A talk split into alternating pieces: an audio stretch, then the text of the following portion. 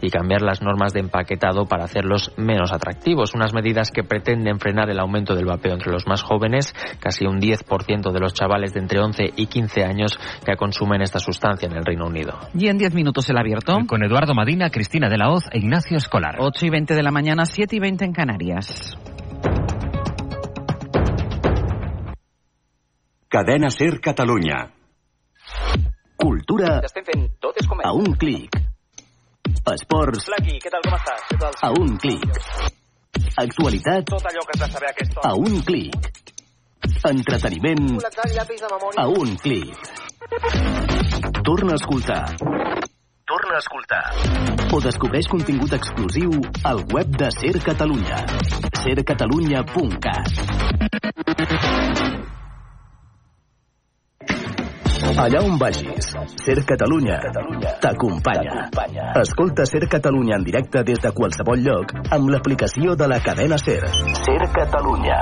Som a tot arreu. Som al teu costat.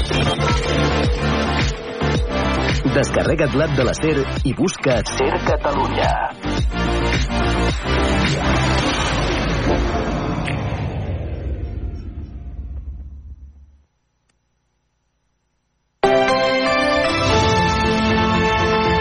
Hoy por hoy Catalunya. Sergi López.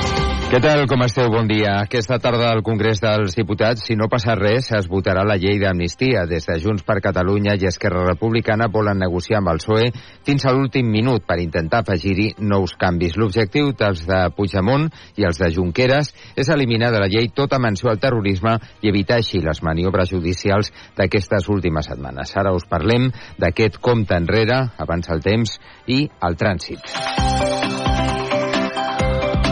Primer, el temps, com estan les temperatures a aquesta hora, Jordi Carbó? A aquesta hora del matí fa una mica més de fred que ahir, si bé les temperatures eh, són poc baixes. Tenim 11 graus a Valls, 7 a Figueres, 3 a Vic, 0 graus a la Seu d'Urgell.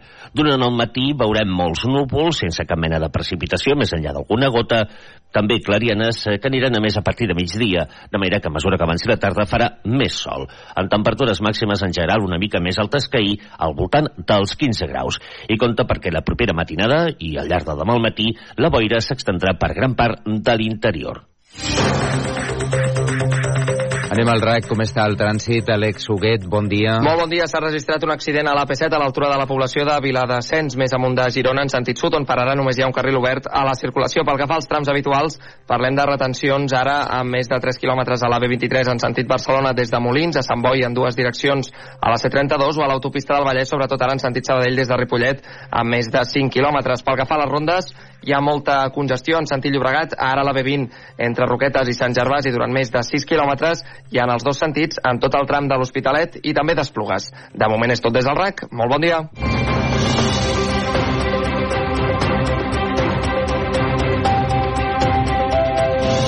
Junts per Catalunya i Esquerra Republicana volen esgotar fins al darrer moment les possibilitats d'afegir nous canvis a la llei d'amnistia per eliminar les referències al terrorisme. Això tot i que el PSOE es mostra ferm en no tocar res més en la normativa. Xavier Balló. Tant Junts com Esquerra volen mantenir viva fins al darrer moment la possibilitat que s'acabi eliminant de la llei tota menció al terrorisme per tal que aquest delicte no quedi explícitament exclòs de l'amnistia. Els republicans tenen coll avall que difícilment el PSOE farà una nova sessió, però Junts vol mantenir la pressió fins al darrer moment i recorda que, de fet, si avui es votés en contra de la llei, aquesta no decauria, sinó que simplement tornaria a la Comissió de Justícia. Junts també aposta perquè els delictes de traïció contra l'Estat no quedin exclosos de la llei tal com passa ara, perquè veuen els moviments judicials per reviure l'anomenada trama russa del procés com una via per esquivar també l'amnistia amb aquest delicte. Les negociacions s'allargaran previsiblement fins a primera hora de la tarda quan comenci el ple.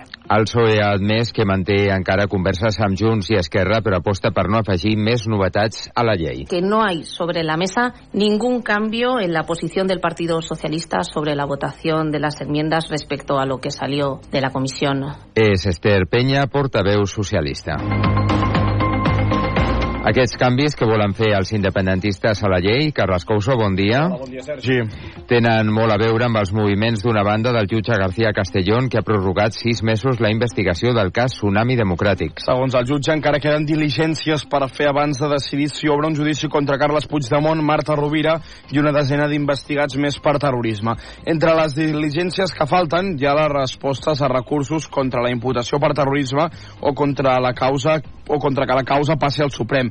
I a més a més també falta documentació demanada a altres països com els Estats Units, els Països Baixos o Suïssa. I d'altra banda hi ha la pròrroga del cas Volhov. El jutge de la causa coneguda com a branca russa del procés, Joaquín Aguirre, tindrà sis mesos per investigar els fets. El magistrat diu que necessita més informació per decidir si envia la causa a judici o si l'arxiva. A més, Aguirre recorda que a la investigació hi ha converses mantingudes amb funcionaris russos per persones de l'entorn de Puigdemont, un entorn a qui el jutge atribueix diverses reunions fetes presumptament en nom de l'expresident i en les que Rússia hauria ofert milers de soldats i milions de dòlars a canvi de la fidelitat d'una Catalunya independent a Rússia. El jutge apunta que un col·laborador de l'expresident ja sabia, el 2018, del risc d'una possible invasió russa a Ucraïna.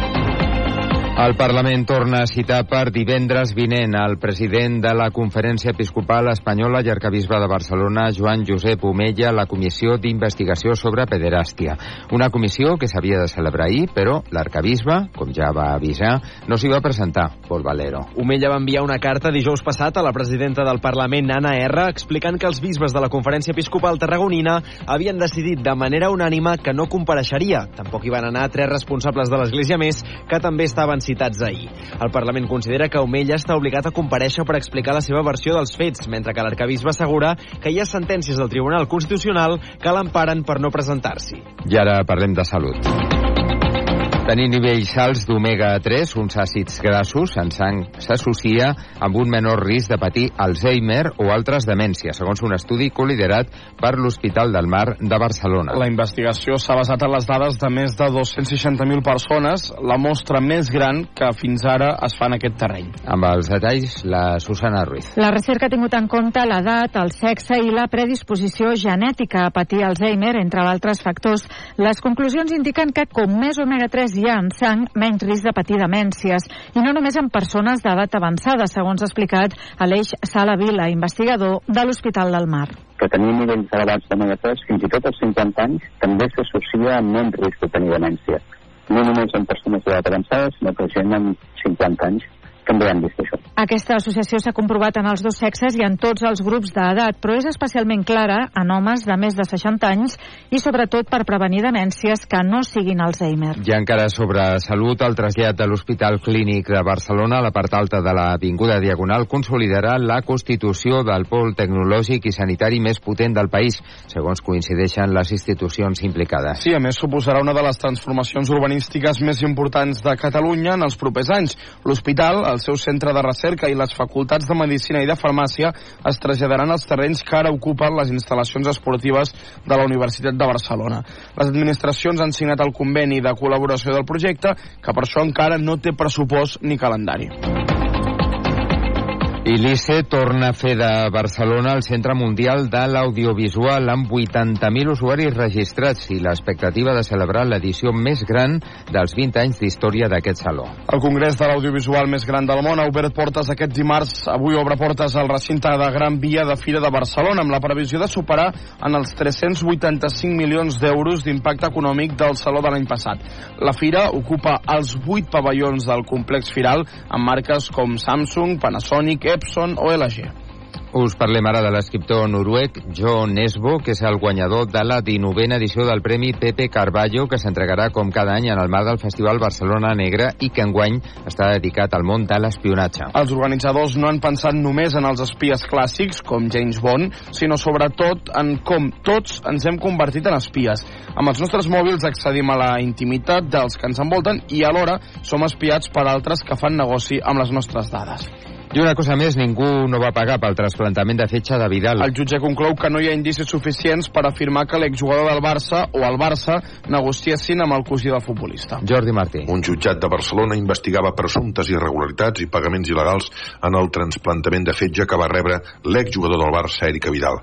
L'arxiu provisional es produeix després d'una última comprovació per part de la jutge que tampoc no ha trobat indicis de delicte en els pagaments que el Barça de Sandro Rossell va fer a Vidal. Per tant, d'una banda, la instrucció judicial va poder verificar el trasplantament, va poder comprovar que no hi ha increment patrimonial obtingut eh, pel donant i, en efecte, a Vidal i el donant declaren ser cosins germans, però certament la distància genètica existent entre tots dos no ha permès a la jutge la plena acreditació del parentiu mitjançant estudis d'ADN ni tampoc amb les mostres analitzades. Però, en tot cas, considera la jutge que ja no convenen més diligències i arxiva el cas a Vidal.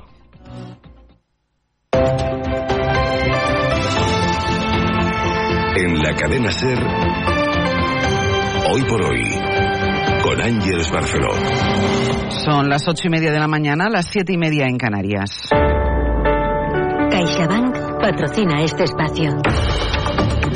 Tiempo para el análisis, tiempo para el abierto en esta mañana de martes. Hoy todos aquí en Radio Madrid con Cristina de la Hoz. ¿Qué tal? Muy buenos días. Hola, ¿qué tal? Buenos días. Con Ignacio Escolar. Muy buenos días. Buenos días, Ángels. Y con Eduardo Madina. Muy buenos días. Hola, Ángels. En otro día de esos días de la amnistía, después hablaremos de ello. Esta tarde a las 3 empieza el pleno en el Congreso, en el nuevo Congreso, en el Congreso remodelado, que además va a estrenar hoy el sistema de, de votación. Vamos a ver qué pasa porque ah, empezamos a estar acostumbrados a eso de la incertidumbre hasta el último momento en las votaciones. Recordábamos antes que ya lo habíamos vivido el día que se constituyó la mesa del Congreso con eh, el nombramiento de Francina Armengol. Lo vivimos también el otro día